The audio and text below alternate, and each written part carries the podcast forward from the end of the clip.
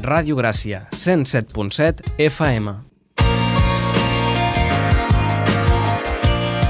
I ara també online i a la carta a barcelona.cat barra radiogràcia.